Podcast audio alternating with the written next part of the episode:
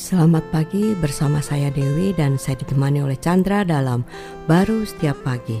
Amsal 18 ayat 14. Orang yang bersemangat dapat menanggung penderitaannya, tetapi siapa akan memulihkan semangat yang patah?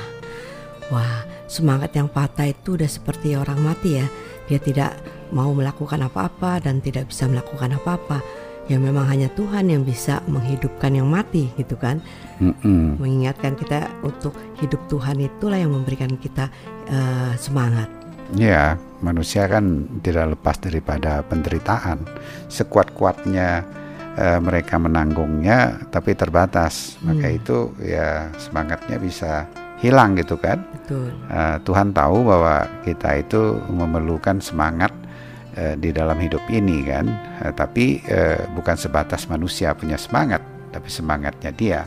Maka itu dia menebus realem daripada manusia semangatnya hanya terbatas sementara aja yang anda katakan mati itu. Betul. tapi kalau Tuhan dia memberikan semangat sejauh kehidupan dia ya bahkan dikatakan hidup kekal ya. Hmm. ya teringat jadinya kan? Iya ya, jadi ingat waktu itu kejadiannya Petrus ya. Hmm. waktu Yesus mati di kayu salib gitu waduh semangat daripada murid-murid Yesus Paul uh, Petrus bilang wah udahlah udah nggak ada harapan lagi kita balik lagi jadi nelayan aja.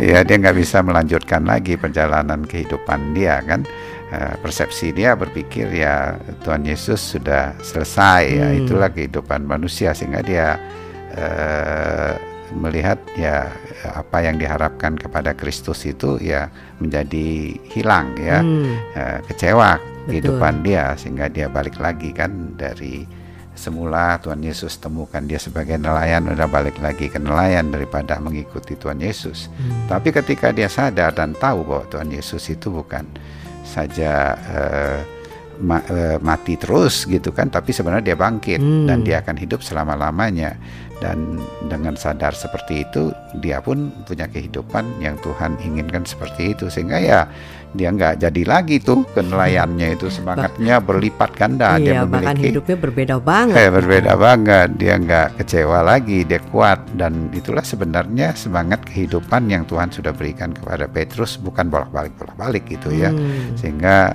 eh, dia bisa menghadapi segala situasi kondisi yang mengancam bahkan eh, kehidupan dia.